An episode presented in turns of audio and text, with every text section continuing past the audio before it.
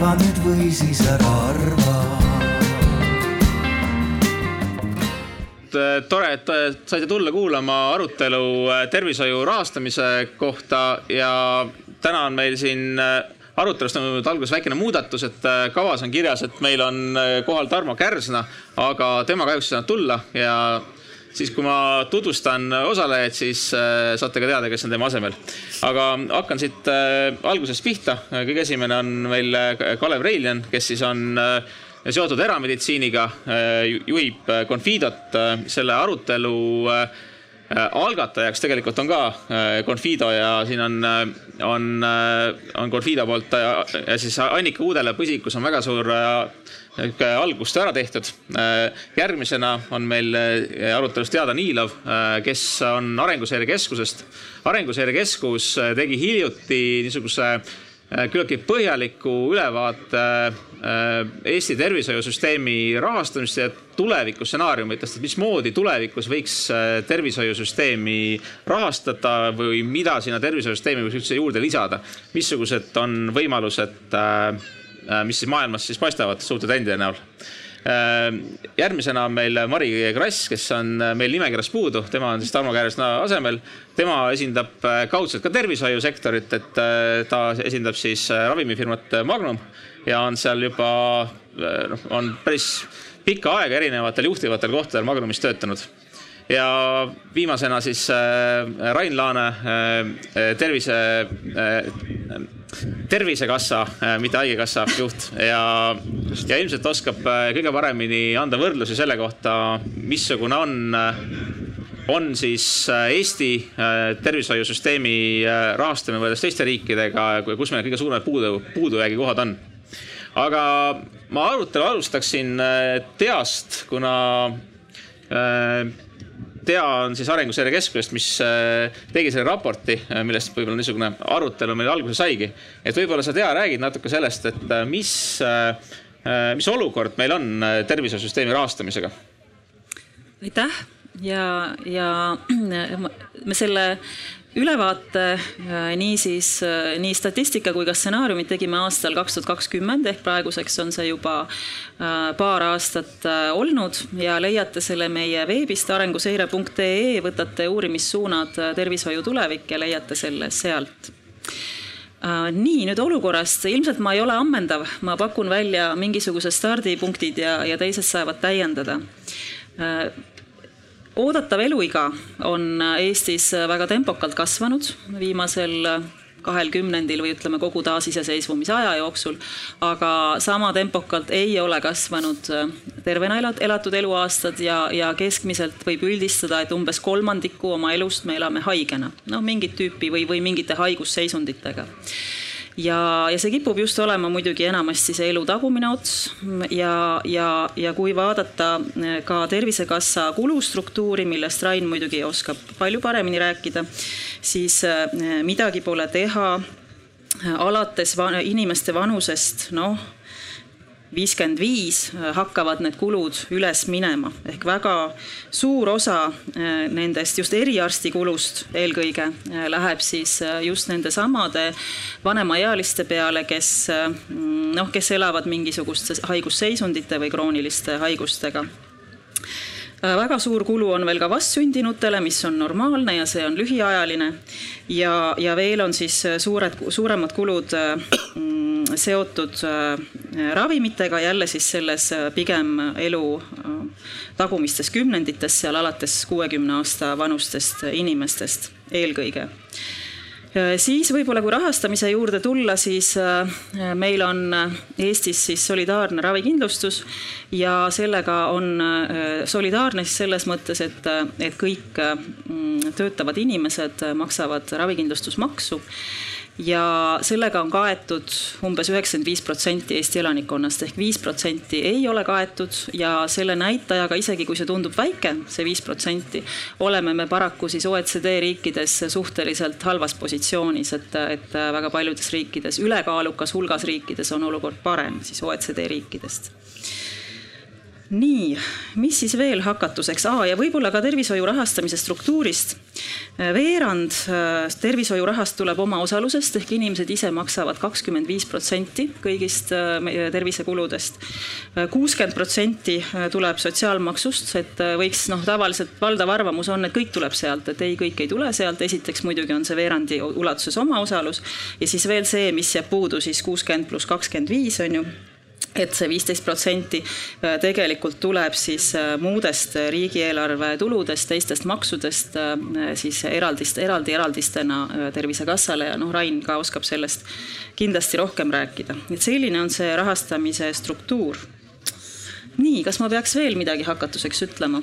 no võib-olla Rain juba tahab ja, kommenteerida. ma lisan mõned asjad juurde, arvud, et kaks tuhat seitseteist oli see maagiline aasta, kus siis kus siis äh, Jevgeni Ossinovski oli sel ajal minister ja siis toodi tervishoidu nii-öelda lisaraha. Äh, poliitikud, nad on siin täna kindlasti kõrval, kõrval ähm, äh, paneelides, eks siis kui poliitikud räägivad, et äh, saabus kas kolmsada miljonit või viissada miljonit, siis loomulikult nad ei eksi. Nad lihtsalt äh, unustavad, et, äh, et see pidi millegi arvelt tulema, et tegelikult tehti seda trikki, et osa raha tõsteti ühest taskust teise. et kui ta muidu oli Sotsiaalministeeriumi eelarvereal, siis nüüd on ta Tervisekassa eelarvereal, loomulikult tuli meile raha juurde, vastus jumala õige tegelik meie arvestuses päriselt viiskümmend miljonit tuligi juurde, kolmkümmend neli miljonit esimesel aastal ja, ja natuke teisel aastal. ja see tuleb ju juurde sellest äh, lihtsast asjast, et ähm, mittetöötavate pensionäride pealt siis riik maksab Tervisekassale tegevustoetust. kõlab natukene kummaliselt, aga, aga ega raha ei haise. ja seda on suurusjärgus äh, selline sada pluss miljonit ja, ja siis äh, sellest kolmeteist protsendist ravirahast me saame suurusjärgus üks koma kaheksa miljardit, nii et kokku me opereerime numbriga kaks miljardit. kui ma alustasin kaks tuhat seitseteist sügisel, siis see number oli üks koma kolm miljardit, siis te saate aru, kuidas see kasv on. et see kasv on röögatu, äh, aga seal on palju erinevaid põhjuseid, millest me võib-olla jõuame mõnest rääkida. ehk siis äh, me opereerime täna suurusjärgus kaks miljardit, lepime kokku, et võtame need nullid sealt tagant ära, et matemaatika käib siis nagu ühest kahe tuhandeni ja see üks on siis üks miljon, kui me räägime numbritest, et eh, nii palju lihtsalt sellest skaalast mm. -hmm. kui palju äh, see meie olukord erineb äh, teiste riikidega võrreldes noh, selle, selle sektori mahu mõttes, et kui, kui erinevad me oleme no näiteks võrreldes Saksamaast või võrreldes Soome või võrreldes Lätiga ähm,? Seda mõõdetakse protsent SKP-st, see on siis sisemajanduse koguproduktist ja Eestis on see sihuke kuus koma seitse äh, protsenti SKP-st läheb tervishoidu. Lääne-Euroopas on see number üheksast kolmeteistkümne protsendini, Saksamaa, Holland on seal nagu ülevalpool, Soome, Rootsi ka. Ameerikas on see protsent seitseteist, aga Ameerikaga ärme võrdle, sellepärast et seal on ka nii-öelda legal cost või ütleme, advokaadikulud on seal ka selle protsendi sees, kes siis tervishoiusektoriga alati kaasas käivad. Ja, ja sihuke nagu kahekohaline protsent kindlasti aitab paremini. Ja, ja Eestis, mis selle protsendi alla toob nii-öelda, on tegelikult tervishoiutöötajate mm, siis tasu või, või siis äh, maakeeli öeldes mitte, mitte nagu kulukomponent, vaid lihtsalt, äh, lihtsalt see töötasu.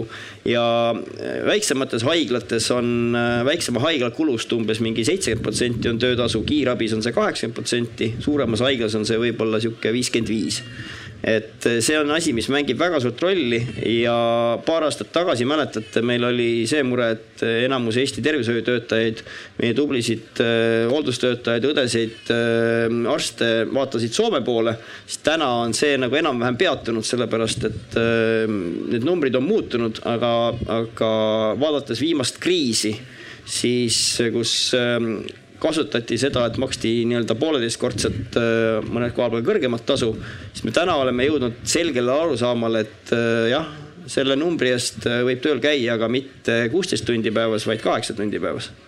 Jah, ma nägin, et vahepeal Tea tõstis käega, ma küsisin teiste käest ka, et mul jäi selline mulje siit jutust, et, et me küll kulutame vähem raha, aga noh, kuna see tuleb selle arvelt, et arstid saavad vähem palka kui, kui Skandinaavias näiteks, et siis võib-olla meil nagu see teenuste kättesaadavus nii halb ei olegi, et äh, mida, Kalev, sina eri, eratervishoiu poole pealt sellest arvad?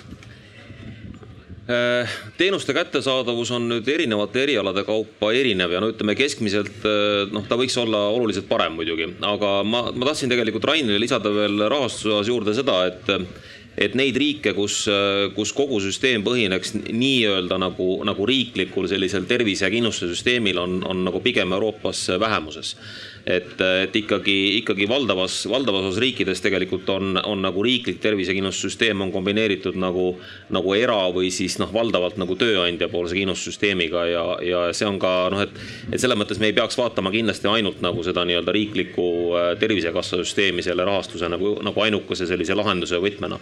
et täna on Eestis on tegelikult äh, eratervishoiukindlustuse äh, turg on, on päris kiiresti kasvanud, aga ta on ikkagi võrreldes siis äh, riiklikult pakutava kindlustusega nagu, nagu väga-väga väike, et me räägime, ütleme siin nagu ühest protsendist võrreldes nagu nende numbritega, millega, millega Rain opereerib. no ütleme natuke no, suurem, aga jaa.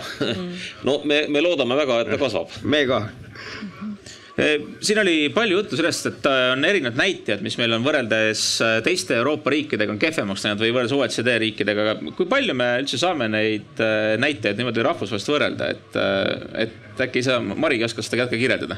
et ma ka huviga jälgisin, kuidas meie vestlus arenema hakkas, et läksime, sukeldusime kohe numbritesse, sukeldusime kohe definitsioonidesse, sukeldusime kohe võrdlustesse, et tegelikult äh, tegelikult eh, noh, igal riigil on oma süsteem, nagu Kalev ütles, kombineeritud erinevatest kindlustustest, inimestele pakutakse ka erinevaid teenuseid, mõõdetakse asju erinevat moodi. et, et noh, võib-olla me ei peakski nii palju äh, lähtuma nendest numbritest, mida me graafikutelt näeme leidma sealt neid numbreid, mida me sooviksime sealt näha, et noh, vana tõde, te saate seda, mida te mõõdate, vaid vaatama vaatama, mis me tahame, mida inimesed tahavad, äh, mida vaja on ja, ja, ja hakkama oma aruteludes lähtuma ka sellest, et hästi kerge on ära uppuda sinna numbrite maailma. loomulikult mm. kaks miljardit, nüüd on öeldud, et kuni kolmkümmend viis on meil miljard veel puudu.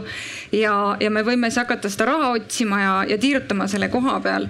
aga tegelikult, äh, tegelikult me peame vaatama ka konteksti äh, ja mida inimesed soovivad ja mida näiteks mina esindades ka siin täna tööandjat pluss patsienti ja inimest. noh, mida mina soovin, mina soovin näiteks seda ka, et ma saaksin valida et, et äh, loomulikult äh, on solidaarne kindlustussüsteem ja, ja kõigile kodanikele tagatud meditsiiniabi üks normaalse riigi toimimise alusprintsiipe, aga siiski kasvõi väikses osas ma soovin valida. ma ja, ja praegusel hetkel näiteks meie oleme valinud oma töötajatele lisaks ka eratervisekindlustuse ja, ja kui ma loen neid analüüse, äh, mida me kõik oleme lugenud ja, ja, ja neid, neid ettekandeid kuulanud, siis tegelikult see on see lõik, kus ma tunnen inimese ja tööandjana, et oih, aga see on puudu et, et, et ma, ma, ma tun-, ma kasutan seda juba täna Eestis, me oma inimestele seda pakume, ma isiklikult seda kasutan.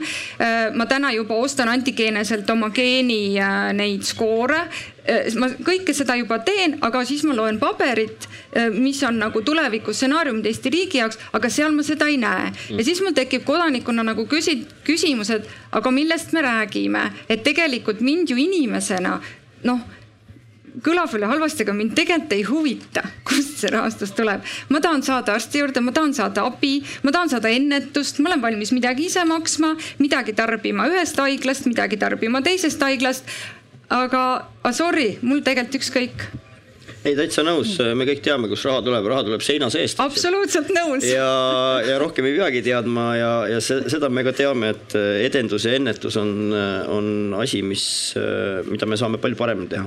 ma ütlen paar sõna, Kaspar, kui sa lubad siia, et, et et äh, esiteks võib-olla see äh, üldse see sõlmitus, et miks me siin täna istume, et ma enne sissejuhatuses tõesti veel seda välja ei toonud, et, et äh, midagi pole teha, Tervisekassa kulud hakkavad üsna peatselt ületama tulusid ehk kulud kasvavad kiiremini kui tulud. ja see on tegelikult see suur probleem, miks me ka ilmselt seda arutelu siin peame. ja tõesti, meie kaks aastat tagasi tehtud siis kalkulatsioonid näitasid, et aastaks kaks tuhat kakskümmend kaks tuhat kolmkümmend viis see defitsiit kasvab üheksasaja miljoni euroni Äh, praegu muidugi on kaks aastat mööda läinud, hinnatõus on olnud palju kiirem, kui me kaks aastat tagasi eeldasime, võib-olla see summa on praegu veel suurem, sest raha ostujõud on vähenenud. et äh, ühest Covidi kriisi on... siis veel ei olnud. ja, ja Covidi kriisi ka siis veel ei olnud, on ju. Äh, kuigi Covidi kriisiga on ka mingeid lisatulusid ju Tervisekassale tulnud, eks ole, neid erakorralisi. Need olid ajutised maksed. jah, et ühesõnaga, et korra sõnastada see, see probleemi tuum ja siis, et meil tegelikult noh, me oleme silmitsi selle kasvava defitsiidiga ehk siis see, see sihtotstarbeline maks, see ravikindlustusmaks.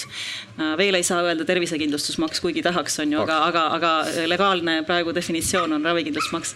et, et see enam järjest kasvavalt ei kata tegelikult siis haigekassa kaudu tehtavaid kulutusi tervisekassa kaudu, Jeesus, Jeesus, ma pean. harju, harju, harju, harju, harjume ära sellega. ja nii, ühesõnaga, et see oleks selge, et miks ja nüüd tulles nende stsenaariumide juurde, siis äh, meil tegelikult oli, ma ei tea, äh, kui hoolega sa, Mari, lugesid, aga meil oli küll sees, ühesõnaga stsenaariumide struktuur oli meil siis selline, et äh, kõige ideaalsem stsenaarium on muidugi see, noh, ütleme loomulik tervishoiuunelm, kus siis riik leiaks, seal oli kirjas muudest maksutuludest, mis võib tähendada ka seda, et see tervisekindlustusmaksu baas tuleb näiteks näiteks ümber vaadata, seda laiendada.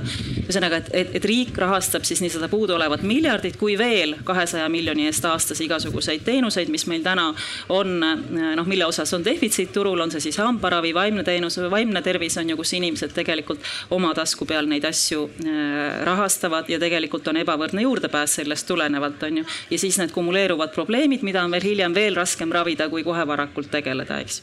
et selles mõttes see oli see nii-öelda võib-olla pisut niisugune naivistlik, aga et äh, umbes unelmastsenaarium. nüüd, kui seda ei suuda teha, siis mis oli see alternatiiv ja siin tuli see erakindlustus tegelikult mängu.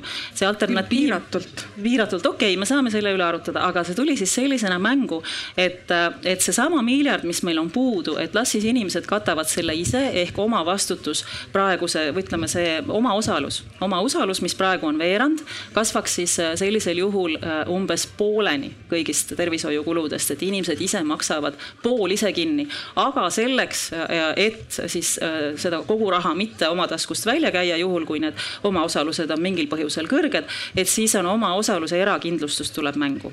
ja miks just selles võtmes, et omaosaluse erakindlustus, sest sel juhul on turg laiem, et neid kindlustada, kindlustada soovijaid või neid potentsiaalseid huvilisi on rohkem, kui et me lihtsalt räägime, et olge head ja minge ostke omale tervisekindlustus.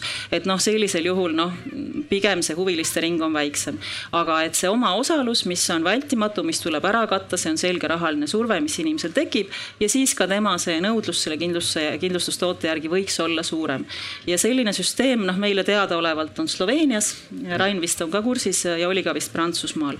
et sellise pakkumise me tegelikult tegime, aga me ka siis provisoorselt püüdsime hinnata seda võimalikku kindlustusmakset, see oli muidugi väga raske, see võib olla täitsa nagu kohvipaksu pealt. aga, aga eh, see jäi sinna vahemikku kuussada kuni kaheksasada eurot aastas.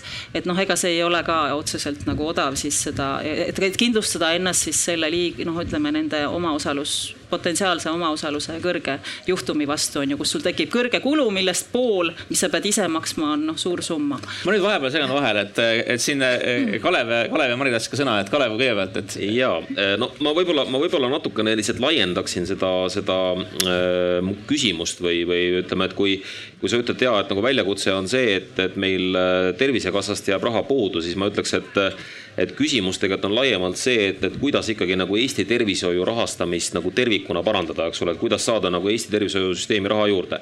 ja, ja, ja siin kindlasti nagu noh, äh, peaks vaatama nagu kõiki võimalikke variante, eks ole, et, et, et noh, mida, mida, mida, mida me ise nagu enda poolt praegu näeme, on noh, miks ma selle ennem selle tervishoiukindlustusega välja tõin, et Äh, on, on tegelikult see, et tööandjatel ja noh, Mari kinnitas seda ka omalt poolt, eks ole, et, et, et tööandjatel tegelikult on nagu selge soov äh, panustada oma töötajate tervisesse, see on nagu nende enda huvides, et nad saaksid kiiremini, inimesed saaksid kiiremini arsti juurde, nad oleksid tervemad äh, noh mm -hmm. lõp, lõpuks teeksid paremini tööd, eks ole, et, et noh, see töötab tegelikult tööandjate huvides.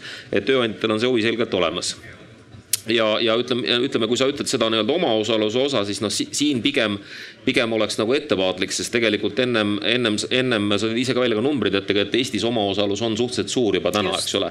et noh, et, et ma arvan, et, et seda nagu varianti, et inimesed nüüd ise oma taskust peaksid nagu maksma veel, veel teenuste eest nagu rohkem võrreldes tänasega, ma arvan, et see on keeruline, aga, aga pigem, pigem me näeme tegelikult nagu väga positiivset trendi selle näol, et, et tööandjad on tegelikult valmis rohkem panustama, väga paljud tööandjad on valmis rohkem panustama.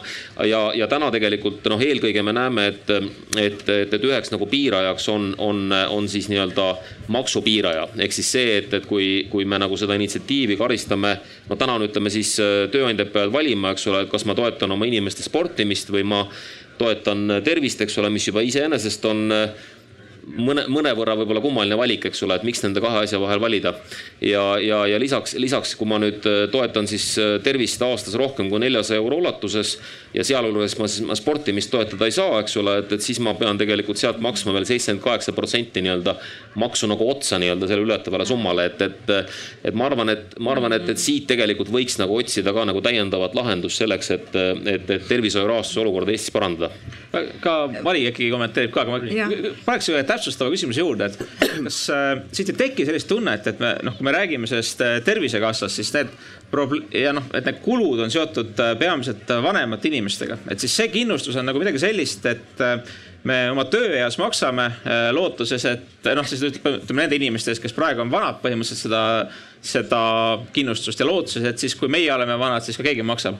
aga tegelikult selline, aga selline, aga selline nagu kindlustus on meil tegelikult puudu, mis, mis siis nagu kindlustaks selliste lühiajaliste probleemide vastu või Ähm, või siis nagu noh, äh, elu jooksul äh, vajalike äh, siis erinevate raviteenuste vastu ma või, ma tegelikult tahtsin veel seda eelmist asja kommenteerida, hästi lühidalt ütlen, et ma ei taha üldse, et jääks, jääks muljet, et ma kuidagi kritiseerin seda raportit, üldse mitte.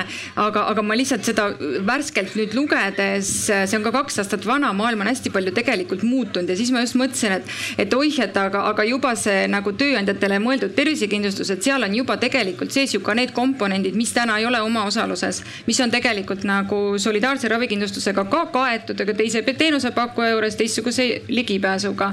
et selles mõttes on mul hästi hea meel, et me selle diskussiooni siin oleme avanud, ma julgeks öelda nagu ka laiemalt, mitte ainult Arvamusfestivali vaates, et tegelikult on maailm juba muutunud selle raporti valmimise ajast. meil on olnud Covid, meil on olnud väga kehv juurdepääs äh, raviteenustele, meil on erakindlustus ja erameditsiin tulnud väga kenasti nagu punti ja, ja et inimesed saaksid äh, seda teenust, mis neil vaja on. et, et see oli minu nagu mõte, et me praeguses muutunud olukorras ja juba nähes trende, peaksime võtma neid arvesse, kui me avame siin maksudebatte, kui me avame siin uusi ravi, ravi rahastamise mõtteid, kui me avame uusi äh, raviteenuste teenuste hinnastamise mudeleid, nagu me lehest iga päev loeme, et need tulevad kõik lauale ja saavad olema oluline teema. aga nüüd selle kohta, et mida me siis kindlustame, noh, ega mitte ju ainult vanainimesi me noored ei kindlusta, vaid ka nagu lapsi ja siis neid emasid, kes on kodus ja, ja kes on raseduspuhkusel, et noh, see on ju selle solidaarsuse süsteemi alus ja tegelikult on see ju äärmiselt äh, normaalne, õiglane ja hea äh, kõigi Euroopa inimeste õigustatud ootus, et kedagi ei jäeta nii-öelda noh, ilma peale, et seda me oleme mitusada aastat juba, juba praktiseerinud aga sa vist mõtlesid oma küsimusega, et, et siiski me, me kindlustame haigust, mitte ei kindlusta tervist. ei, ma tegelikult seda ei mõelnud, aga, mm. aga. ei, küsimus on selles, kas me kindlustame nii, et, et uh, uus põlvkond maksab vanema eest või igaüks kindlustab ennast ise, et ma nooruses kogun ja vanaduspõlves siis sellest on ju ma, seda, seda poliisi isegi, hüvesid siis tarbin. ma, ma võib-olla seda selgitasingi lahti natukene, et noh, idee on selles on ju, et meil on mingisugused riskid, mida me teame, et meil noh, kindlasti kunagi realiseeruvad, aga need on Need, need on väga kallid ja, ja need on kunagigi kauges tulevikus. ja see on meil mingisugused riskid, mis meil realiseeruvad noh, mingisuguse väiksema tõenäosusega. aga aeg-ajalt elu jooksul juhtuvad, nad ei ole alati nii kallid mm, ja mu lihtsalt hüpotees oleks kuidagi see, see tänane Tervisekassa kindlustab meid nende esimest liiki riskide vastu ehk et kui me oleme vanas eas, meil on südamehaigus, siis me saame abi. aga selliste äh, jooksvate probleemide vastu, näiteks kui me tahaksime ähm,, tahaksime minna sünnimärke kontrollima, siis seda on väga keeruline teha praeguses süsteemis äh, haigekassa raha eest no,, puhas tervisekassa raha eest. sa saad seda teha, kui sul on näidustus ehk sul on tekkinud mingi muutus selles sünnimärgis, siis sa saad haige, vabandust, tervisekassa raha eest. Ma tahtsin ühe loo rääkida siia vahele, et lihtsalt me aru saaksime, et kus me oleme täna. ja meil on palju häid soove, häid mõtteid ja siis vaatame oma, oma võimekust. me aastas nagu paar korda saame alati äh, kuskile esikaanele, sellepärast et me jälle mingit lapse, ei tohi öelda, ühe lapse ravi ei suuda rahastada tavaliselt on niimoodi, et me oleme sinna meie ühisest terviserahast paarsada tuhat investeerinud, noh, paarkümmend kuni paarsada tuhat oleme investeerinud ja siis tuleb mingisugune viimane ravim, mida me ei suuda siis osta. Ähm, viis aastat tagasi see sihuke maagiline piir oli, ma mäletan, sada seitsekümmend kaks tuhat eurot, mis siis lahked annetajad andsid, äh, väga suur tänu. meie inimesed ka nende hulgas ja, ja siis ühel hetkel hüppas see piir sihukese kahe miljoniline, et võib-olla mäletate sihukest kahe miljonist case'i, et oli imeravim, äh, kaks miljonit, äh, nii-öelda üks liiter vedelikku ja, ja teeb kõik terveks. ta teebki imelisi asju selles mõttes, et äh, see, see laps on täna elus ja, ja saab päris palju asju teha ja nüüd oli nagu küsimus, ma mäletan, ma kohtusin sel ajal Luksemburgi ähm, siis oma kolleegiga. Luksemburgis on, äh, kunagi oli Krankenkasse, äh, täna on see Gesundheitkasse või siis äh, prantsuse keeles oli Kasse de Santé või ühesõnaga nad räägivad ka tervisest. ja, ja küsisin ta käest, et tead, kuule, mul on mul on sihuke case, et mul on äh, kaks miljonit äh, dollarit äh, asi ja me ei jõua seda rahastada ja me teeme korjandust ja kogumist ja nii edasi, et kuule, et mismoodi sina käitud? siis ta ütles hästi lihtsalt inglise keeles we just pay. siis ma küsisin, et aga kuule, et aga mis su eelarve nagu on, et Luksemburg teatavasti on riik, kus on kuussada tuhat inimest, nad käivad üle piiri sealt Saksamaalt ja Prantsusmaalt ja Belgiast ja neil on kaheksasada tuhat kindlustatud ja siis meie eelarve oli sellel mingi üks koma kuus miljardit, äh, siis äh, noh, nende eelarve oli ainult neli korda suurem noh, natuke on teenused on kallimad ja töötasud on kallimad ja nii edasi, aga nende eelarve on lihtsalt neli korda suurem. ja siis ta ütleb, et ah, we just pay, me lihtsalt maksame ja nende, ega neil muresid on palju, aga nende mured lihtsalt on teises kohas. ja teine näide on see, et kui me siin ütleme, et meil on kuus koma seitse protsenti on GDP-st, SKP-st on tervishoius ja siis meil enne seda äh, sõda oli, Tallinnas oli ka Valgevene terviseminister. ja siis ta lava peal uhkusega teatas, et nemad on jõudnud nelja protsendini SKP-st läheb neil tervishoidu ja siis saal kuidagi nagu ei reageerinud, keegi ei aplodeerinud selle peale, et me peame lihtsalt nagu positsioneerima, et kus me täna asjadega oleme. ja, ja kui rääkida siis inimestega, kes on käinud äh, EMO-s, on teil mõni tuttav, kes on välismaal EMO-sse sattunud siis äh, Eesti EMO-d on, äh, on ikkagi viimase peal. ja kui enne räägiti sellest kättesaadavusest, siis äh, sellel hetkel, kui sa oled suutnud Eesti tervishoiusüsteemi siseneda, kas sa oled seal ravijärjekorras oodanud ja saad oma, oma mm, arstiaja või siis ka õe iseseisva vastuvõtu aja, siis, siis on kulda väärt, sest sealt edasi see teekond on, on see, kus meditsiin teeb imesid aga lihtsalt, et kuidas sa sinna pääsed, see on see küsimus. Ja sealt tuleb see ressursi, ressursi teema.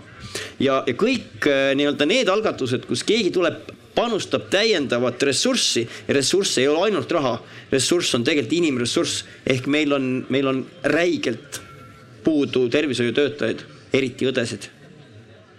kas äh, Confido võtab need ära, et äh, kuidas teie seda näete? Enda poole pealt?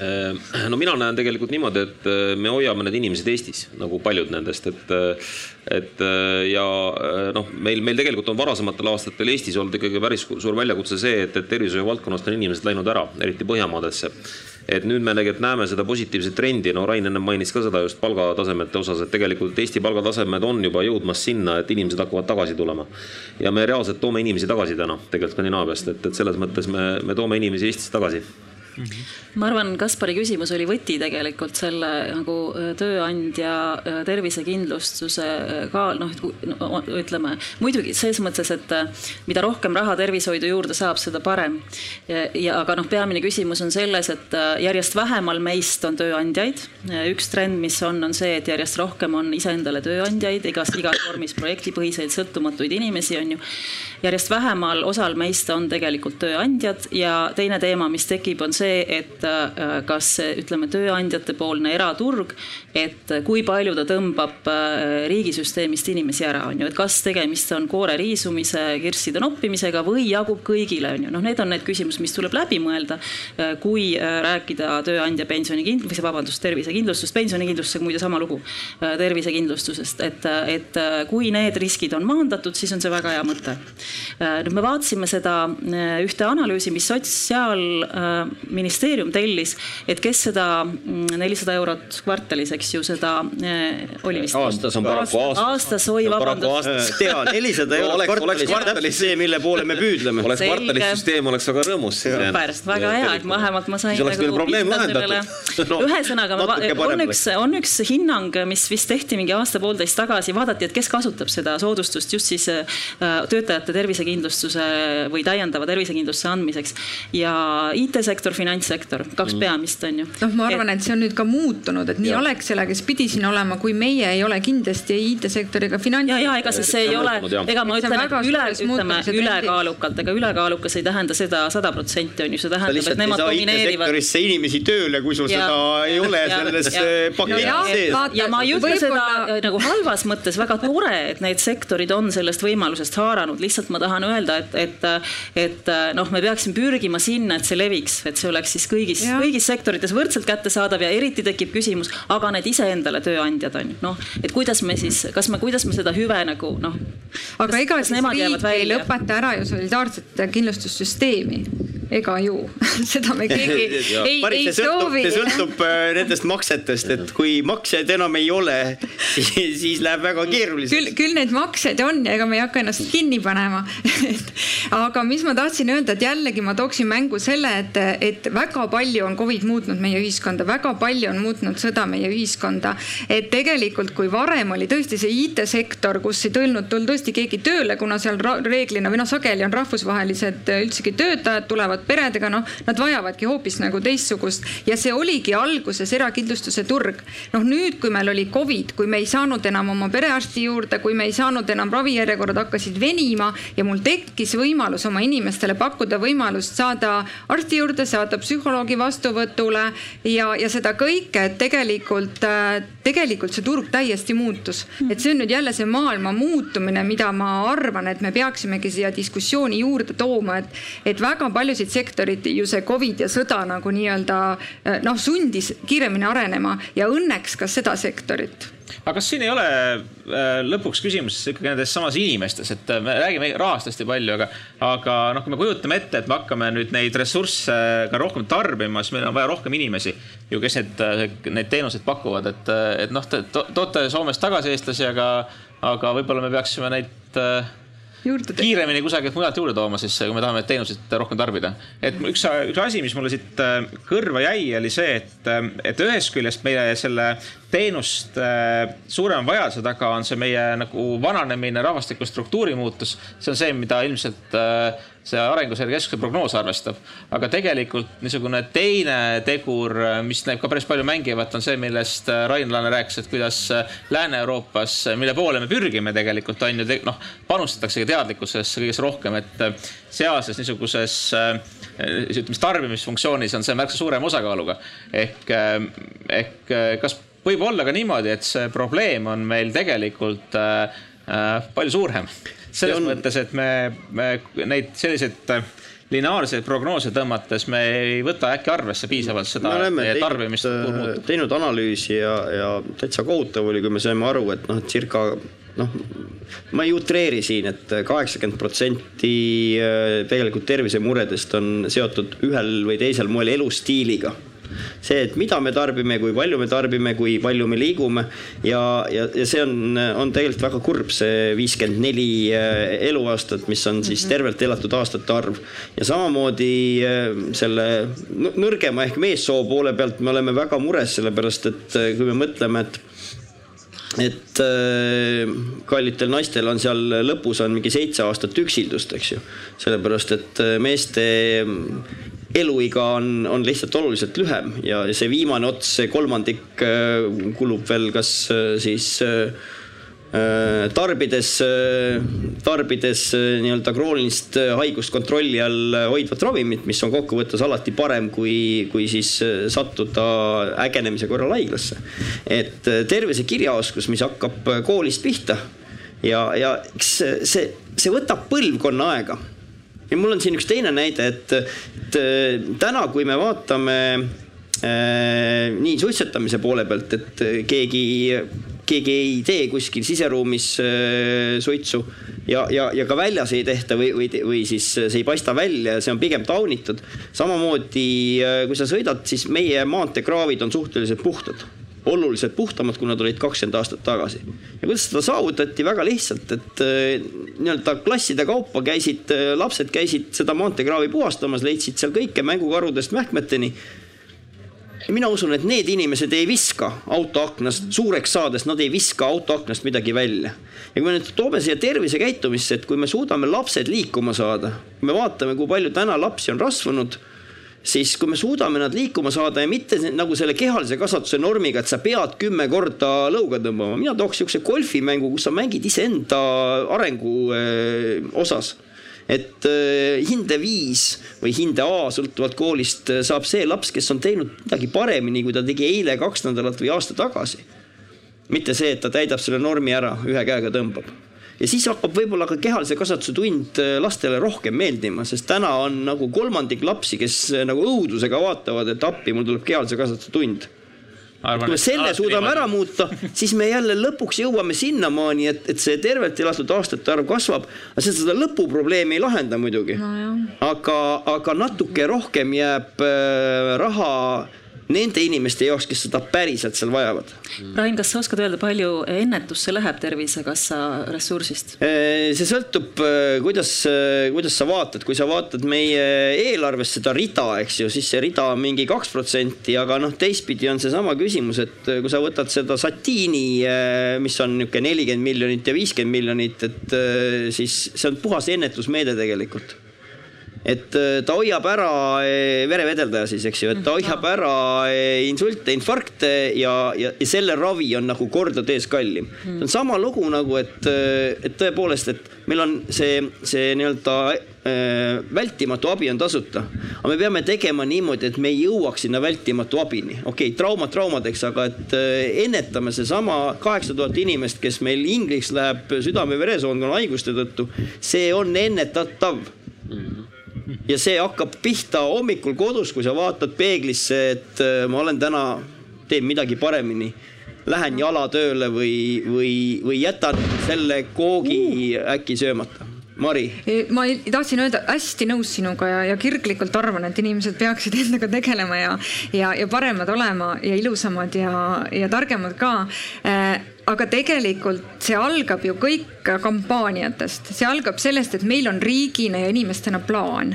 et, et me näeme, et, et, et laps, laste vot mis iganes tervisekasvatus, elustiil, mis iganes, noh, võiks nüüd liikuda selliste sammudega, sest ega tegelikult ka see turvavöö ei saanud peale inimestele mingisugusel suvalisel põhjusel. sai peale sellepärast, et algatuseks iga hommikul enne sööki, peale sööki räägiti sellest, panen turvavöö peale, mingi aja pärast hakati trahvima seda tehti noh, süsteemselt, meil on kõigil turvavööd peal.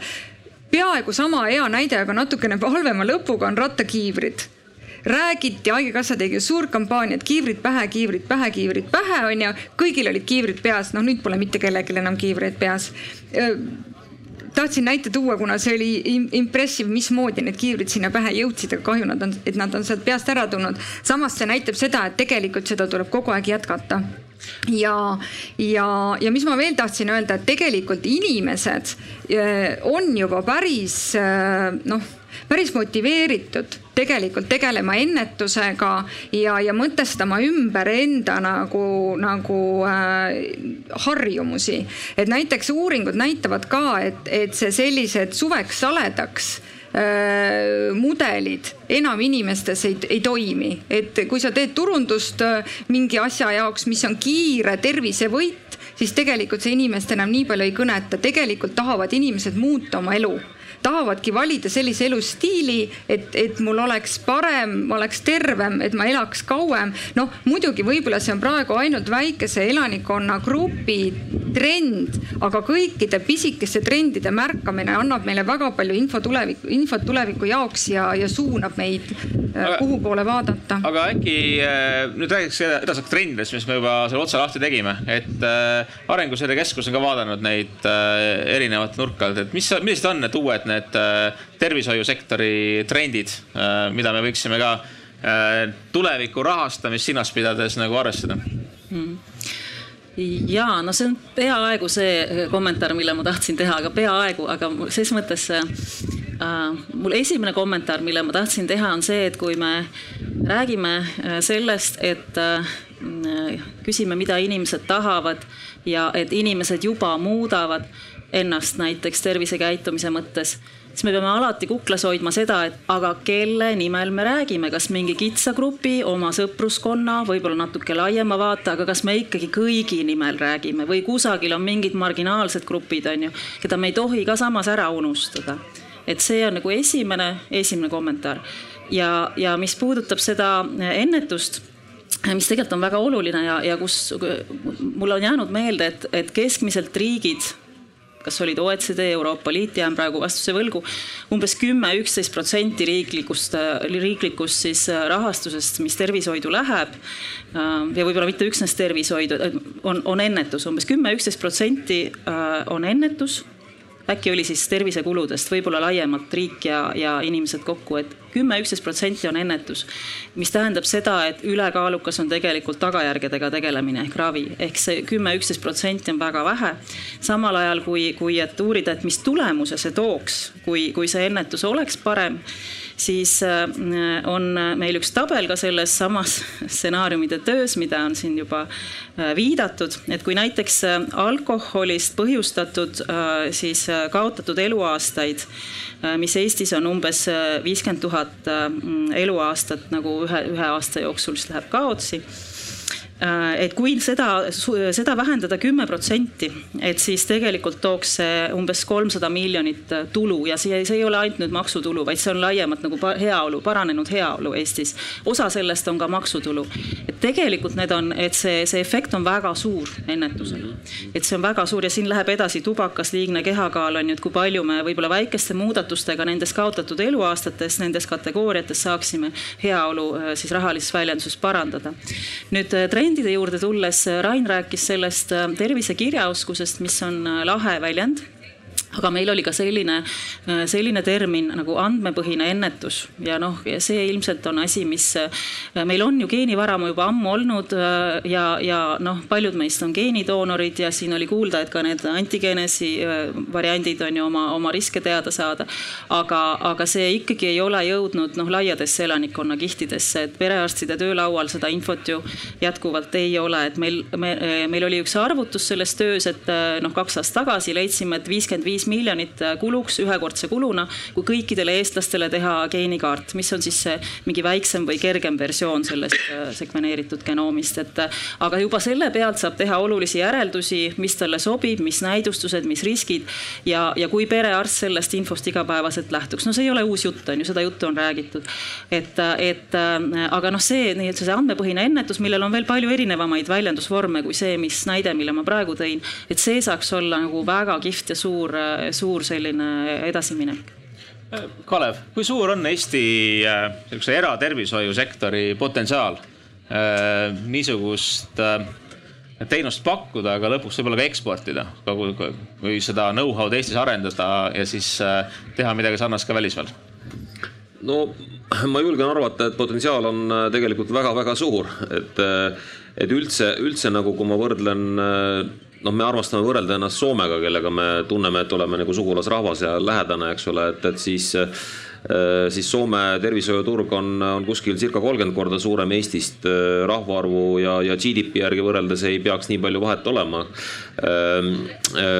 noh, Šveits, mis on Euroopas tuntud sellise meditsiiniteenuste eksportija maana, seal, seal on nagu vahed nagu mit, veel oluliselt suuremad, et ma arvan, et Eestis noh, kuna ma, mul enda, endaga varasem elutaust on IT-telekomi valdkonnas, siis ma usun nagu tugevalt digitaliseerimisse ja, ja digitaalsete lahenduste kasutamisse ja andmete kasutamisse, et ma arvan, et et kui just need eelpool mainitud geeniandmed panna nagu tegelikult reaalselt rääkima, Eesti on olnud siin nagu väga innovatiivne alguses ja ja geeniandmeid kogunud, samas tõesti nagu, nagu Tea ka ütles, et need geeniandmed me tegelikult ei ole osanud siiamaani nagu väga hästi nagu ära kasutada või sellisteks nagu use case ideks või teenusteks pöörata, et et äh, me, me, me tegelikult täna tegeleme Confidos sellega juba, et äh, mõtleme nagu innovatiivseid lahendusi, et kuidas panna need geeniandmed kõnelema, kuidas äh, tuua nad nagu arstidele abiks. et, et nende, nende põhjal oleks võimalik tegelikult noh, näiteks ennustada Parkinsoni tekkimist aastate pärast ja on võimalik juba seda, seda nii-öelda ravi alustada oluliselt varem ja ka ütleme sellist nagu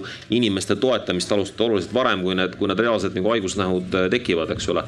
et, et, et ma arvan, et Eestil tegelikult äh, potentsiaal on väga suur, et noh, täna, täna tegelikult teenuste eksport äh, osakaal Eestis meditsiinis on, on noh, kuskil seal circa üks protsent, mis on nagu väga-väga vähe, eks ole, et ma arvan, et noh, et siit on võimalik ainult, äh, ainult oluliselt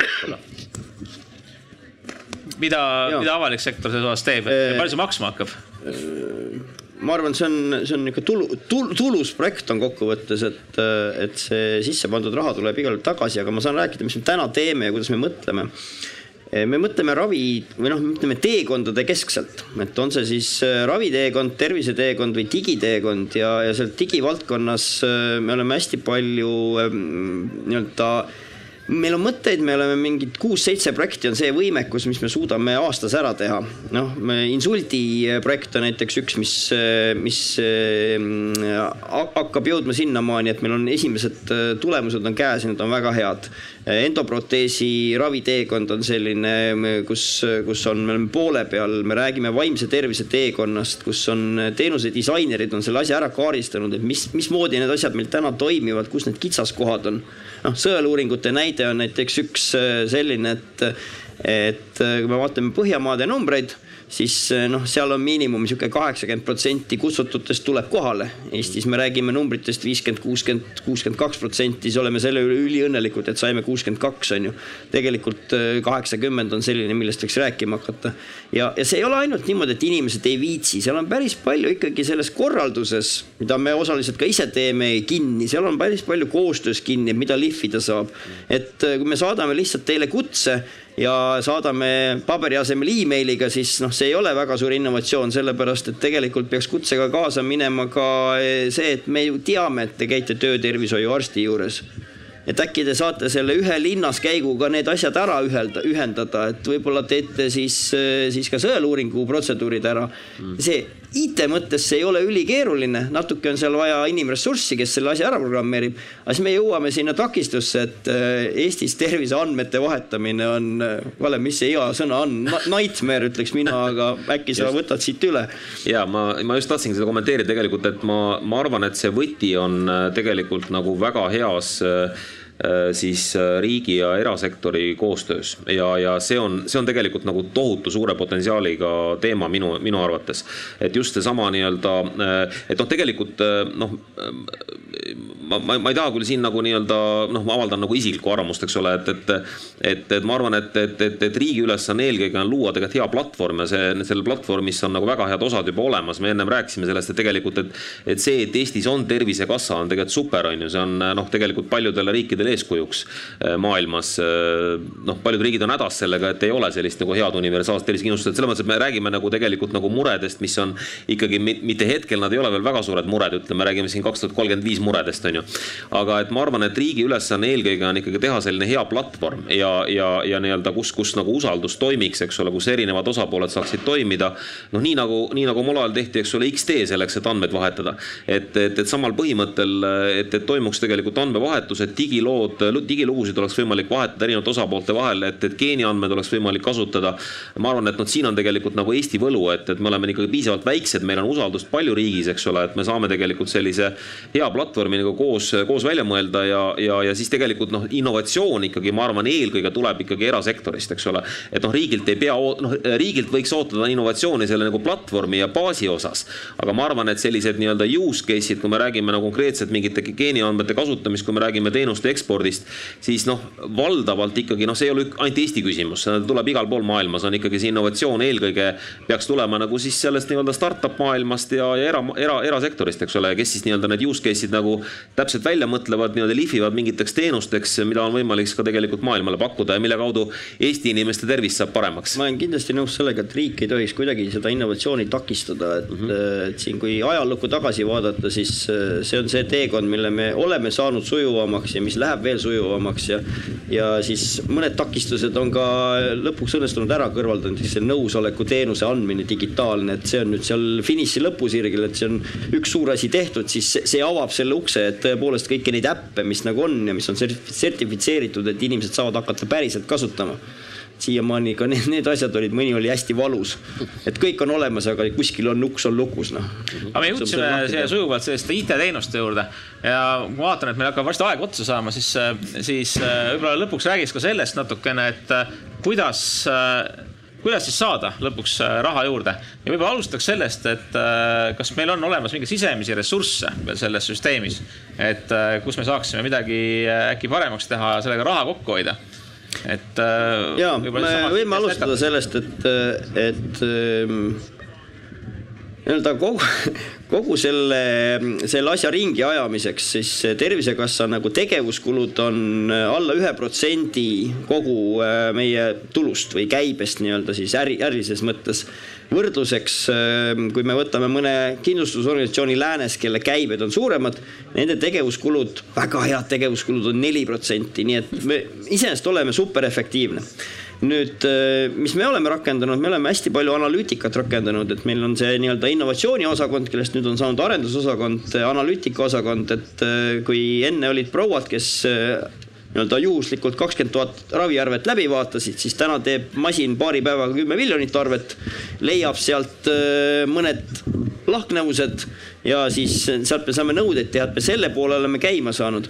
aga sealt see võit ei ole nagu väga suur rahalises mõttes ei ole ta väga suur, aga ta on nagu niisuguses mentaalses mõttes on, on ta võimas, sellepärast et kui kui meie tervishoiutöötajad teevad palehigis tööd ja siis on seal mingisugused mädanenud õunad kuskil keskel. ja neid piisab sellest ühest tõrvatilgast, et meepott ära rikkuda, et me katsume need välja saada, selle osa teeme ära. siis ähm, kõige kallim asi tervishoius, mis ma ära õppisin, on arsti pliiats see, mida siis arst välja kirjutab, tänapäeval on see klaviatuur ja, ja, ja nupud, et mis, mis retsepti ta kirjutab, mida ta nii-öelda soovitab teha ka seal me oleme üritanud panna mustrikontrolli peale, et kui sul ühes haiglas äh, ravitakse ühtemoodi ja see on neli korda kallim kui teistes haiglates ja siis need ravitulemused on samasugused, siis meil on põhjust sinna minna, teha kopp-kopp ukse peale, küsida, et mis te siin teete. et võib-olla saab teistmoodi, võib-olla saab teisi järele aidata, et see on, see on super efektiivne siis asi, mida me ei ole suutnud ära lahendada ja see on sihuke siljoni dollari küsimus, et kuidas jõuda sinnamaani, et see, see õige patsient oleks õigel ajal õiges kohas.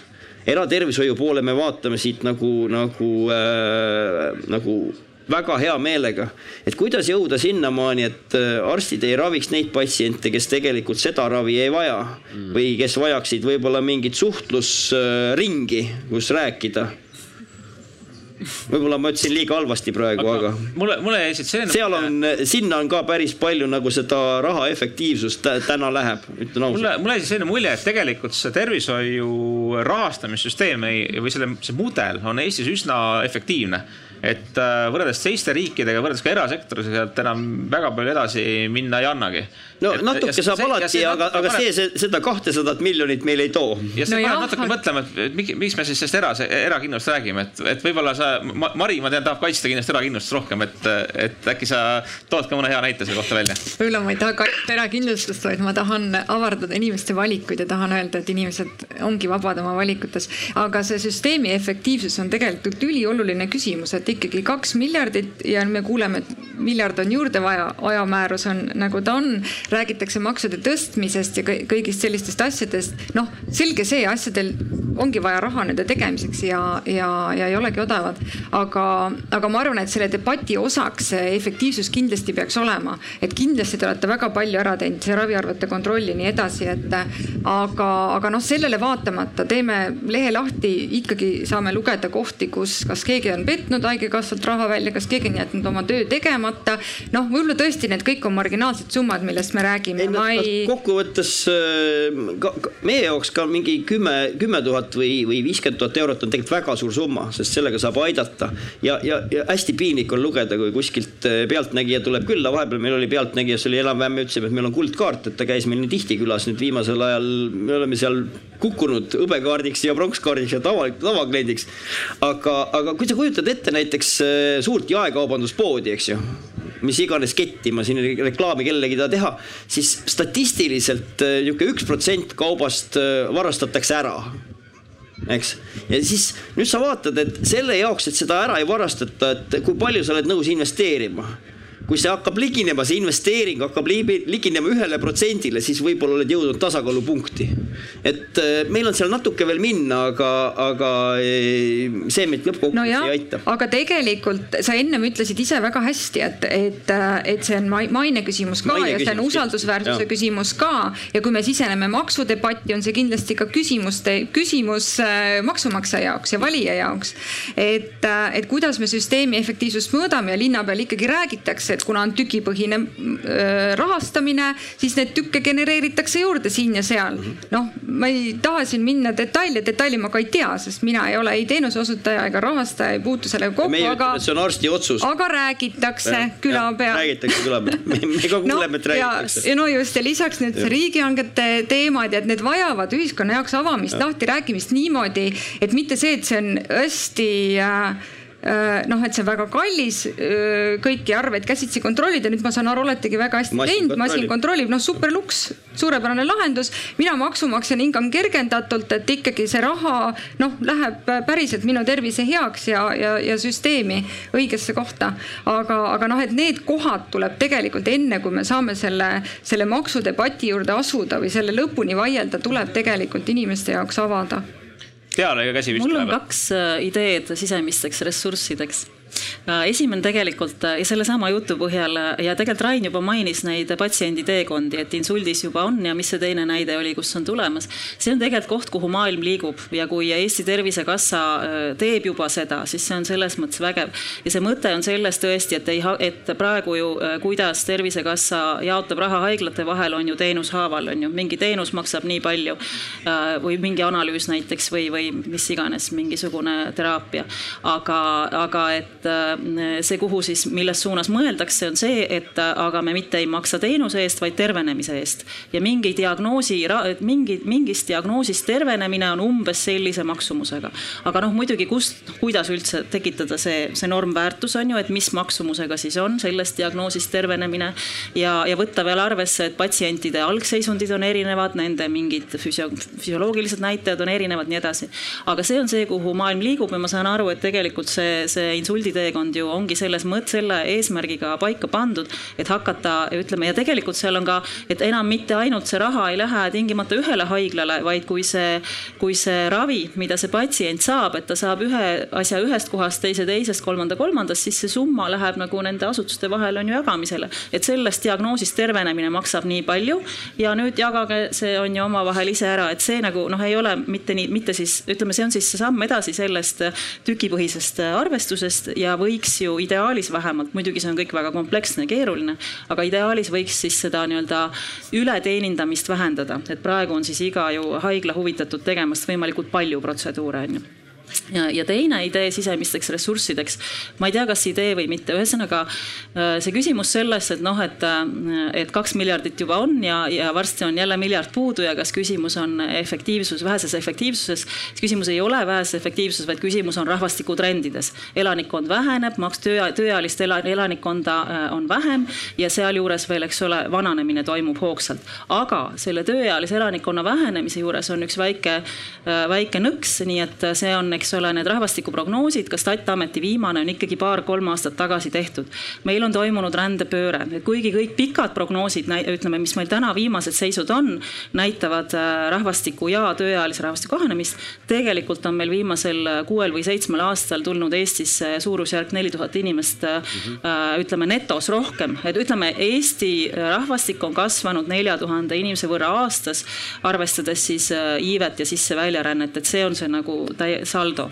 ehk me oleme tegelikult olnud kasvav turg, kasvav riik juba seitse aastat, kuigi meie pikaajaline prognoos seda veel ei arvesta, võib-olla demograafide jaoks on see aeg veel liiga lühike olnud, et hakata seda pikka prognoosi muutma. ja nüüd muidugi on meil viiskümmend tuhat ukrainlast, on ju, et noh, palju neist siia Eestisse jääb, raske öelda, aga jälle see võib olla nagu oluline äh, panus äh, Eesti tööealisse rahvastikku.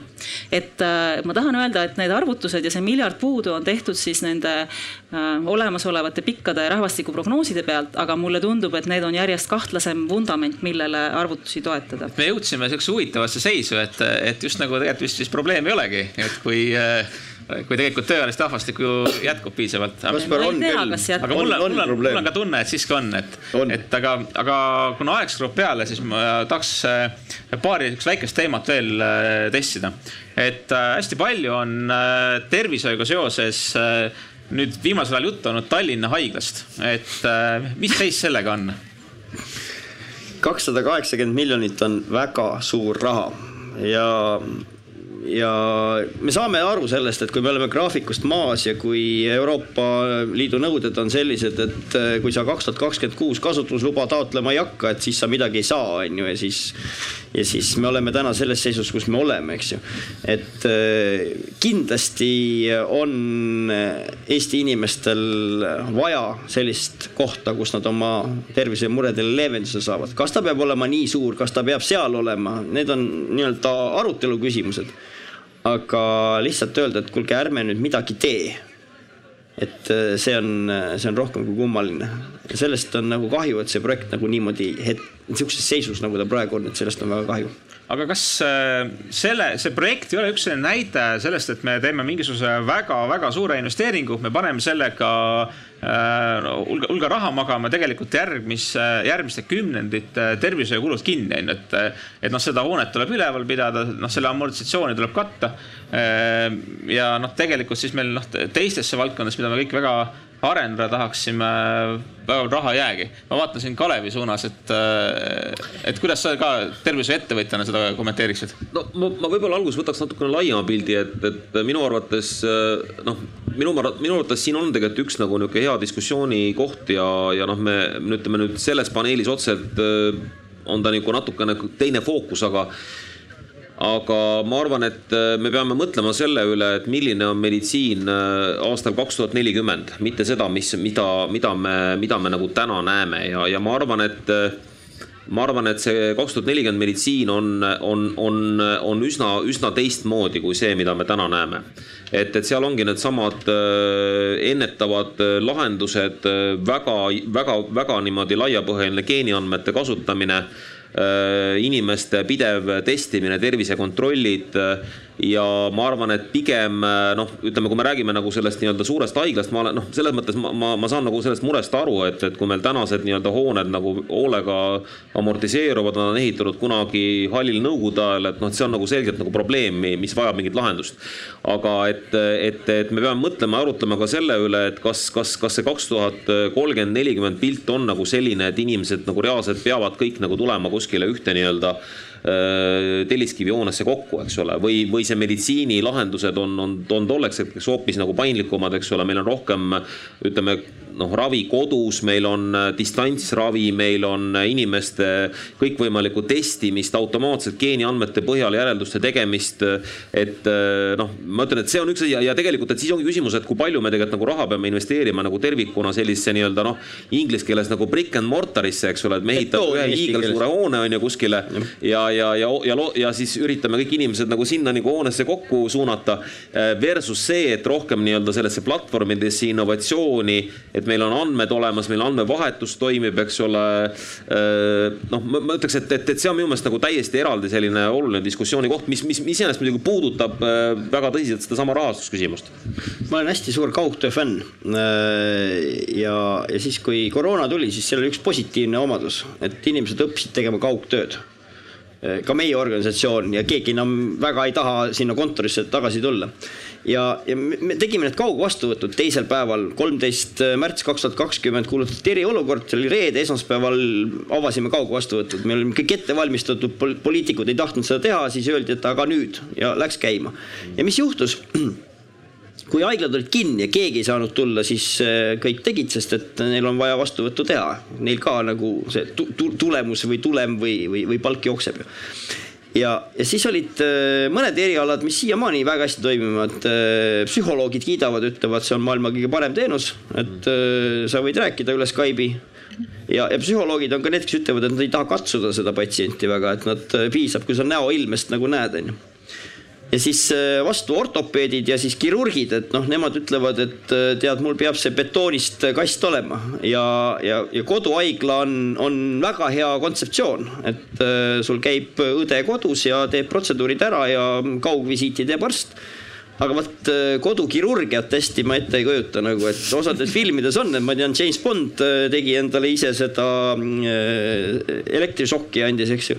aga selle jaoks on meil betooni vaja ja siis jube kurb on, kui me, kui me vaatame täna ikkagi äh, nagu vähiravi äh, siis äh, kahjuks äh, see, seal on nagu haigestumiste arv kasvab ja, ja kui me räägime kiiritusravist, siis seal on tõesti vaja seda, seda suurt punkrit, kus, äh, kus see täppiskiiritusaparaat olemas on ja selle jaoks me peame, peame nii-öelda midagi uut ehitama.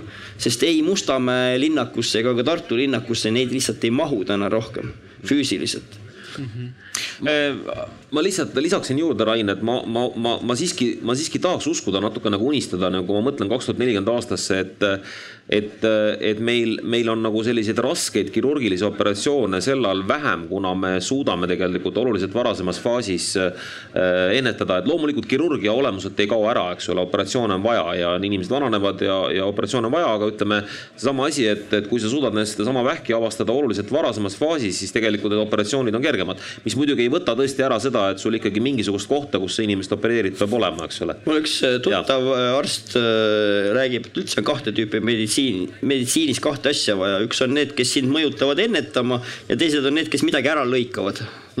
aga noh, ta on ilmselt selle eriala pooldaja.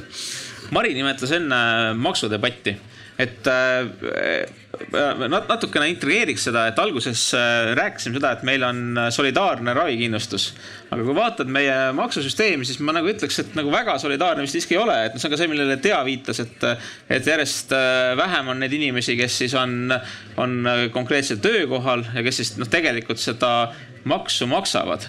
ehk et tundub, et et see ravikindlustusmaks tänapäeval ei ole enam nagu väga solidaarne, kui, kui, kui võrdled kasvõi noh, näiteks Eestis noh, kui võrrelda, võrrelda Eestit äh, ka noh, teiste OECD riikidega näiteks. Ähm, mis sa sellest arvad, Mari, et äh, ettevõtjana, et kust, äh, kustkohast seda maksu koguma peaks hakkama? No debatt loomulikult tulebki avada, kui meil on avalikes teenustes nii palju raha puudu, me oleme vaadanud üles, üle oma, oma efektiivsused, me oleme vaadanud üle oma soovid, oma, oma lootused ja, ja pannud oma võimalused siis arvutanud välja, ega selles mõttes ei ole ju midagi teha.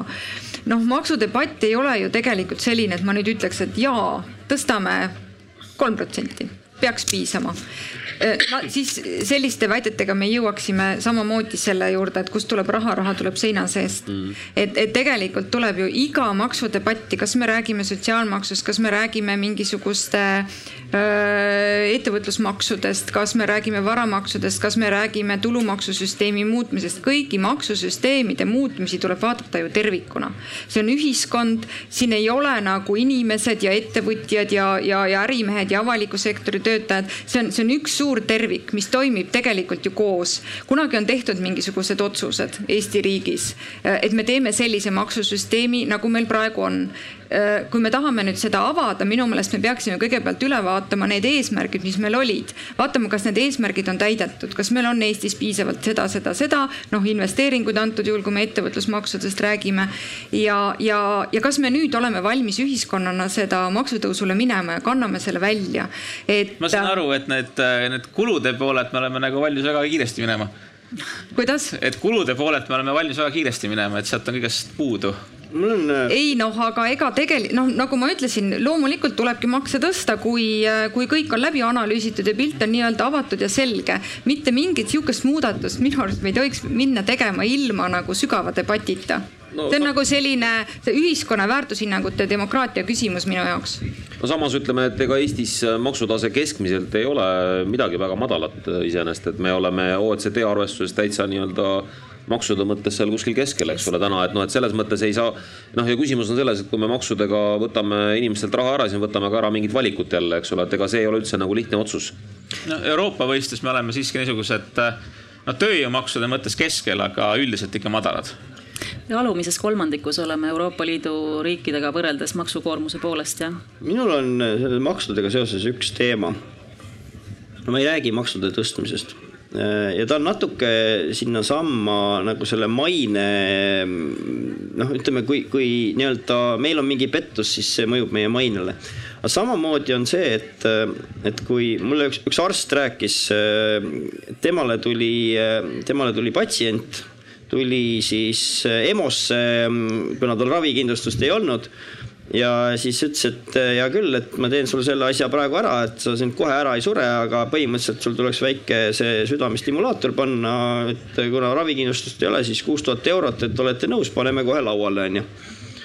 ja siis eh, sihuke jämeda kuldketiga patsient ütles, et padastite ja siis eh, veerand tunni pärast oli tal ravikindlustus olemas, onju ja siis sa kujutad ette nüüd selle, sellesama arsti nagu sihukest mentaalset seisundit, et noh, et sa pead inimest aitama, on ju, siis sa näed, kuidas nagu eh, mingid tüübid lihtsalt nagu ei maksa, OÜ-tavad eh, nii-öelda panevad endale mingid süsteemid käima siis, kui neil vaja on. ja siis nad on selle üle veel hästi uhked.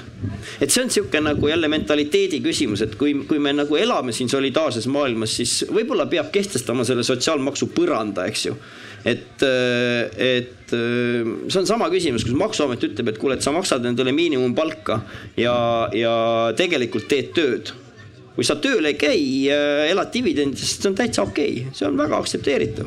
aga, aga kui sa nagu maksude optimeerimisega lähed sinnamaani, et sa oled sellest sektorist väljas või on see ümbrikupalk või mingi muu sihuke asi, siis see ei ole valdav. aga see rikub õudselt tuju ära, on ju, et me peame selle osa ka nagu korda saama mm. -hmm. ma tean, et Arenguseire Keskus on ka vaadanud neid erinevaid äh, sotsiaalkindlustussüsteemi rahastamise võimalusi, et äh, mis sealt vastu vaatab? ma vist peaaegu olen kõik meie ideed juba letti käinud siin täna ja meil oli see omaosaluse erakindlustuse idee, mis me pakkusime, siis meil oli see andmepõhine ennetus, aga okei okay,, maksudest rääkides. Ähm, ühesõnaga, meil oli üks teine töö, mille nimi oli tulevikukindel maksustruktuur, kus me tõesti tegime ka küllalt selliseid äh, noh, äh, reljeefseid stsenaariumeid, noh, me ei püüdnud mitte teha siis elulisi, vaid pigem just selliseid äh, provokatiivseid. ja seal üks oli selline, äh, mille nimi oli digitaalne maailm, mis tegelikult just adresseeris natuke kas muuhulgas ka seda probleemi ja ka seda probleemi, et on järjest rohkem inimesi, kellel ei ole tööandjat, kes iseendale tööd annavad, nad tingimata ei ole, on ju OÜ-tajad, aga lihtsalt nad kukuvad sinna kahe süsteemi vahele, nad ei ole klassikalised ettevõtjad, neil ei ole alluvaid, on ju, nad ei, ei kasvata oma äri, nad lihtsalt iseennast elatavad ära, aga ettevõtlusvormis on ju. mis juriidiliselt on ettevõtlusvorm, sisuliselt nad teevad tööd, on ju, platvormide ja muul vahendusel. et selles mõttes see stsenaarium Digitaalne maailm nägi ette siis seda kuidas äh, sotsiaalmaks, alguses me tahtsime selle täitsa ära kaotada, aga ütlen ausalt, kalkulatsioon ei tulnud kokku. et me saime siis äh, langetada selle kolmeteist protsendi peale, siis praeguselt kolmekümne kolmelt kolmeteistkümnele protsendile, kahekümne protsendi ulatuses väheneb. aga siis äh, see kate äh, nendeks sotsiaalkaitse ja muudeks kuludeks tuleb siis kümme protsenti kõrgemast üksikisiku ja ettevõtte tulumaksust. ehk kui üks noh, see lihtsalt nagu selline näitlik kalkulatsioon, et kui nii nii ettevõtte kui üksikisiku tulumaksu tõsta kümme protsenti, siis me saame kakskümmend protsenti vähendada sotsiaalmaksu, kusjuures keskmisele palgatöötajale ja ka keskmisele tööandjale on see kasulik, sest et, sest et tööjõukuludes tekib, tekkiv võit tööandja jaoks on, on, on, on noh, praegusega võrreldes noh, tal tekib võit võrreldes tänase süsteemiga tööandja jaoks. et noh, kuna lihtsalt osa sellest sotsiaalkaitsetulust, sellest, mis, mis muidu tuli sotsiaalmaksust, see tuleb, eks ole, ettevõtte tulumaksust, seda maksavad ainult ettevõtted, kes on kasumis, ütleme puhas nii-öelda tööandja vaatepunkt ilma ettevõtte maksukoormust nagu arvestamata, oli võit, et oli võimalik siis niimoodi seda olukorda näidata. ma vist selgitasin segaselt, aga te saate seda, seda selle stsenaariumiga nagu ise tutvuda. Ja ma ei, ma ei ütle, et see on super hea stsenaarium, igasugune ärikeskkonna halvendamine tuleb ikkagi noh, põhjalikult läbi mõelda ja noh, see ei pruugi, no ütleme, rahandusministeeriumi ametnikud olid küll kolmkümmend protsenti, oleks vähemalt kakskümmend üheksa, et oleks vähemalt number kaks seal ees, et noh, et ühesõnaga ma seda osa, noh, ma, ma ei ole siin tulihingeliselt väitmas, et, et, et see oleks mõistlik asi, mida teha, aga mis puudutab seda, et, et see sotsiaal, ütleme, need kulud, mida me muidu rahastame sotsiaalmaksust, need tegelikult tulevad edaspidi tulumaksust. Ja tulumaksu baas on palju laiem. Ja tulumaksu maksavad, maksab suurem hulk elanikkonnast võrreldes siis sotsiaalmaksu maksjatega aga me hakkasime siis rääkima täna sellest, et kuidas äh, kuidas rahastada paremini tervishoidu ja nüüd lõpuks jõudsimegi ikkagi rahastamisteemadele välja, et siis, siis kuidas eri, makse erinevalt koguda. kas vahepeal on kuulajate seas tekkinud ka küsimusi? et äh, seal on küsimus, väga hea, sest et ma saan aru, et siis saab palli püüda. nii. kuhu ma viskan? oh, väga hea. väga hea tere, mind on hästi kuulda, mina olen Anne Mahov, mina olen arst-ettevõtja. küsin sellise küsimuse, et rääkisite siin tervise teekonnapõhisest rahastamisest. kas te olete mõelnud ka sellise järgmise astme peale, mis on konkreetse tulemusepõhine rahastamine, et näiteks patsient ise mõõdab enda terviseseisundit erinevate mõõdikute näol ja, ja kuidas oleks võimalik ja kas oleks võimalik seda veelgi efektiivsemalt äh, rahastada. näiteks Inglismaa näide on äh, vaimse tervise puhul, et, et samamoodi mingisuguste patsient mõõdab oma tulemusi, eks ole, ärevuse, depressiooni puhul ja kui on leitud, et, et mingisugune mõõdik on paranenud, et siis sellel, sellega saab isegi lisarahastust. et, et kuidas nagu see selles suhtes äh, on suundumus või mõte? Äh, lühike vastus esimesele küsimusele on jaa. Äh, meile väga meeldiks tulemuspõhine rahastus. sinna ei saa niimoodi nipsust ühe päevaga minna ja, ja seal on kaks asja, on need promsid ja bremsid, siis patient reported outcome measures ja patients reported experience measures ehk ehm, teeme kõigepealt äh, ära selle, selle esimese sammu, et mõõdame tervisetulemit, noh insuldipatsiendi puhul on väga selge, et need on rahvusvahelised kriteeriumid, et sa saad ise, ise hakkama. Ja see on nagu aasta jooksul. ja siis järgmine samm on, et paneme sinna juurde, et siis kuidas patsient ennast tunneb. Ja, ja selle eest me oleme hea meelega nõus ekstra tasustama, sest äh, ka see, needsamad terviseteekonnad kokkuvõttes õpetasid meile kahte asja kui me tegema hakkasime, siis, siis raviasutused olid hästi tõrjuvad, ütlesid, et niikuinii, kui see kassa tuleb, siis kassa tahab kokku hoida. me ütlesime, et ei, me tahame paremat koostööd, me tahame paremat äh, tervisetulemit ja hästi lihtne loogika on, et, et kui me saame inimese kiiremini tervemaks, siis äh, siis töövõimetushüvitisi me maksame vähem ja kokkuvõttes nad tulevad tagasi tervise nii-öelda tööjõuturule, maksavad äh, oma makse, kui nad on pensionärid, siis võib-olla nad saavad lapsi hoida ja, ja siis sealt jääb see raha ringi. et lühivastus on jah äh, selle tegemine võtab kahjuks natuke rohkem aega, kui me oma unistustes äh, oleme mõelnud. aga me liigume sinna suunas ja väga hea küsimus, aitäh. kas kellelgi on veel küsimusi? Seal tagapool on ka, et kas saaks sinnapoole tahapoole visata? Äh, aitäh, väga huvitav diskussioon on, mina siis Kadri Mägi-Lehtsi, tervishoiuhuviline. et äh, selline küsimus mitu korda käis läbi see andmete teema, et noh, kahe käega poolt, et tervishoius on väga vaja andmeid ja nende alusel saab igasuguseid analüüse teha. aga mul käi, jäi ka hästi kõrva, et äh, ennetus ja see ge, geeniandmed, et nende kaudu saab nagu ennetada mul on küsimus, et mille alusel me nii arvame, et, et et äh, ainult peeglisse vaatamisest ja selle teadmisest, et millesse mu vanemad surid või mis haiges need on, et noh, paljud terviseriskid on ju äh, väga selged ilma geeniandmeteta, et liigu, toitu tervislikult, ära ole ülekaaluline. et noh, mis see geeniandmed sinna nagu lisaks annavad, et kas juba tänastes oludes ei saaks siis kuidagi tervislikum olla? noh, inimene on selline isakas ja laisk loom inimene vajab motivatsiooni ja noh, eks see on mingis mõttes usu küsimus ja mingisuguses inim, mingis mõttes inimtüübi küsimus ja mingis, mingis mõttes ka spetsialisti motiveerimisoskuse küsimus.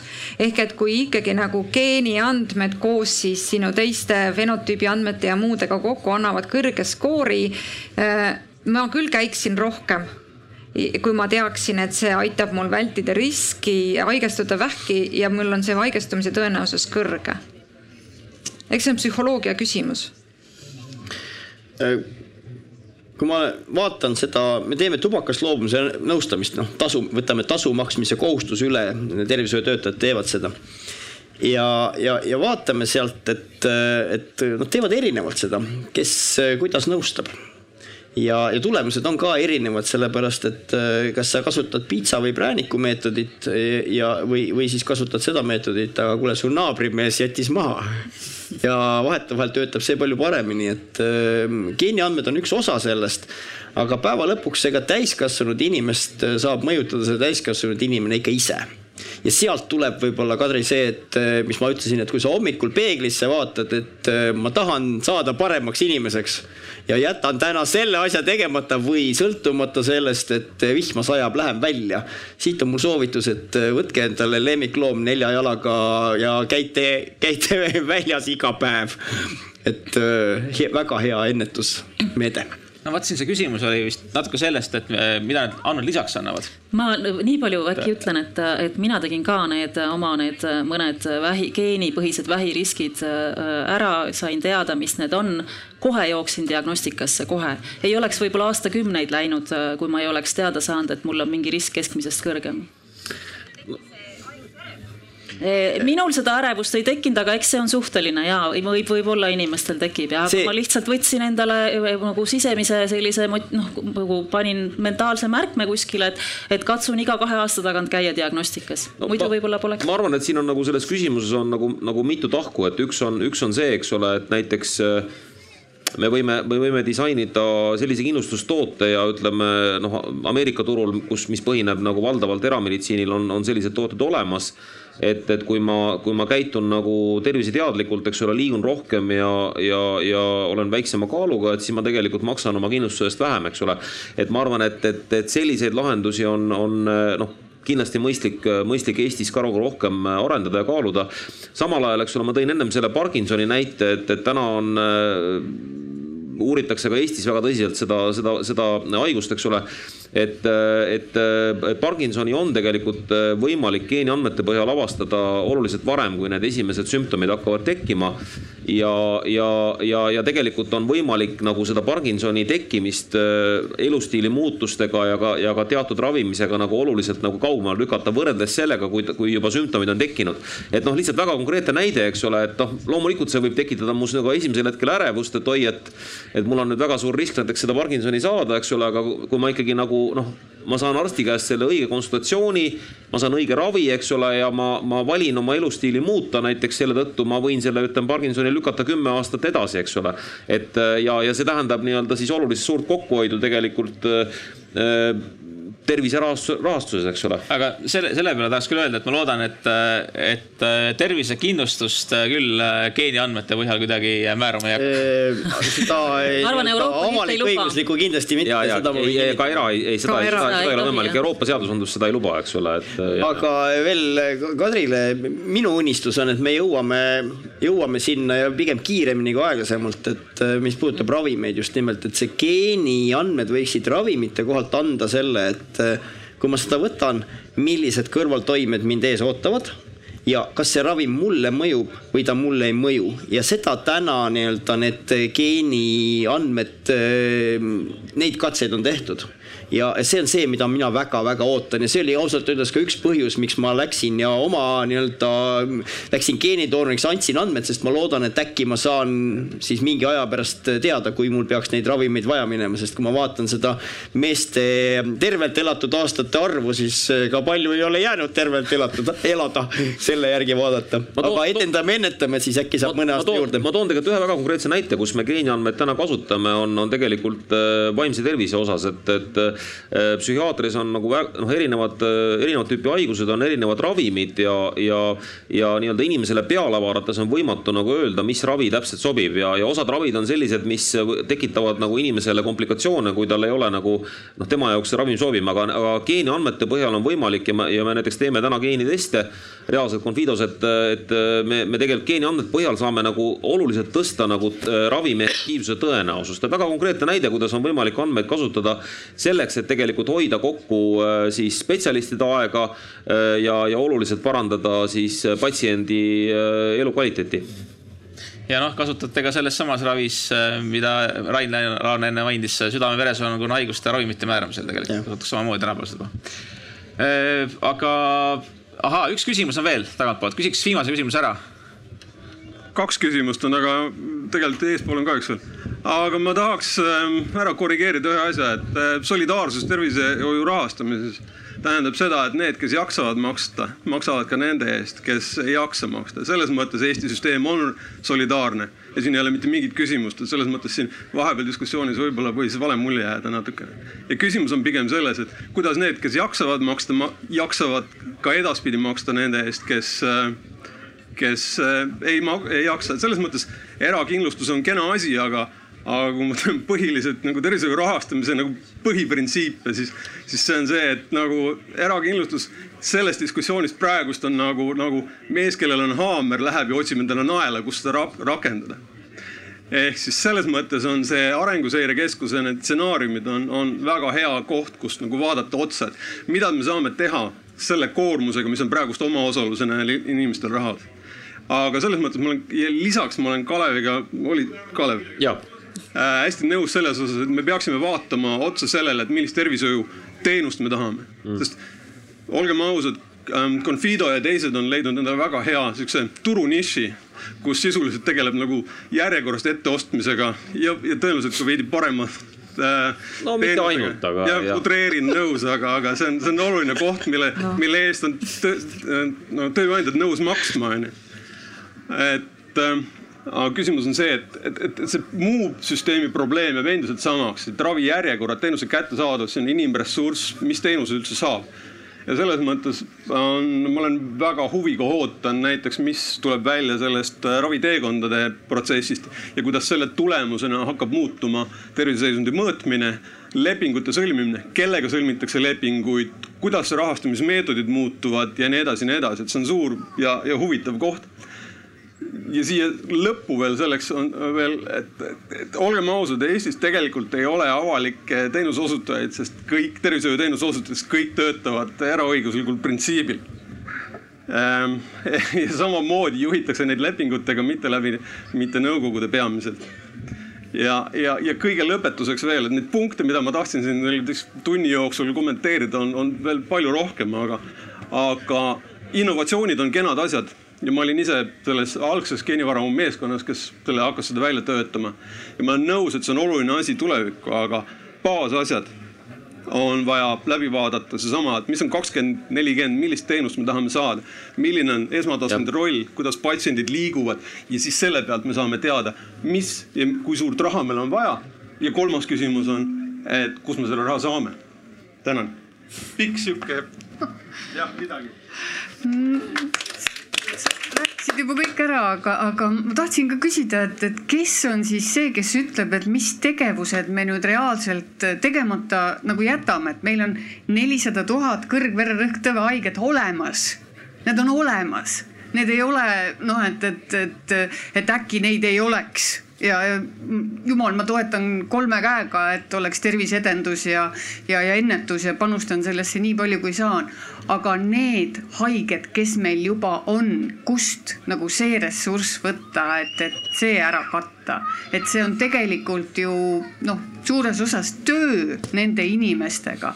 et minu, minu arvates see miinus, noh, majandust natukene õppinud, aga, aga, aga see on, see on nii suur ja, ja see ju ainult kasvab, et, et, et minu arvates ainult see ettevõtjad ja, ja, ja siis oma töötajate eest maksmine, see ei kata seda ära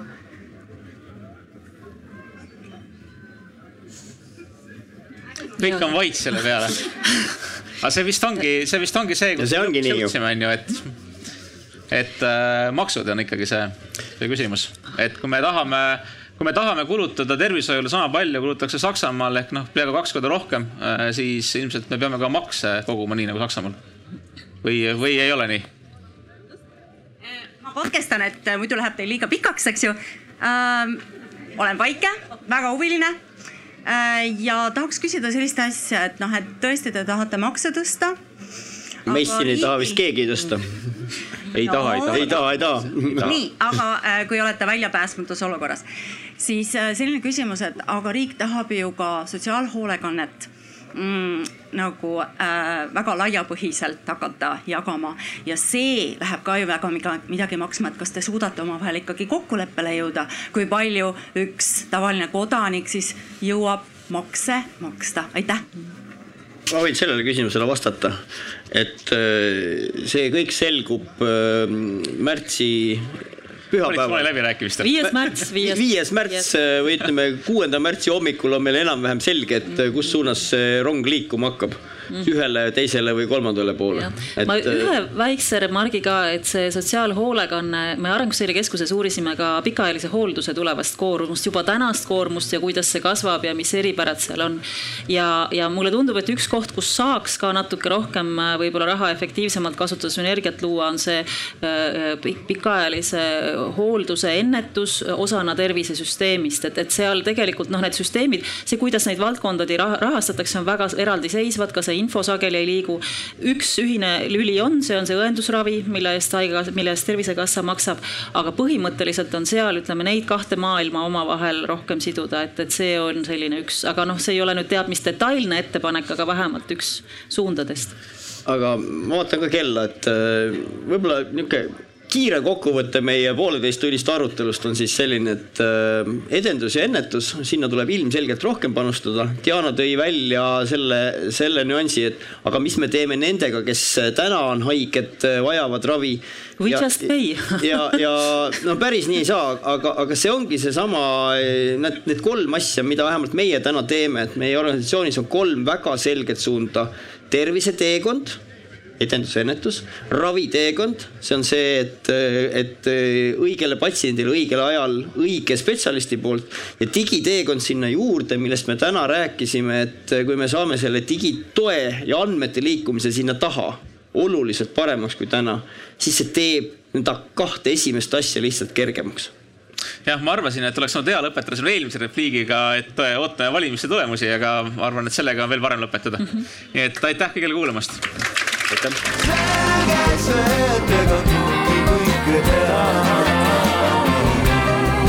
puudub laud ja mänge tagasi me peame.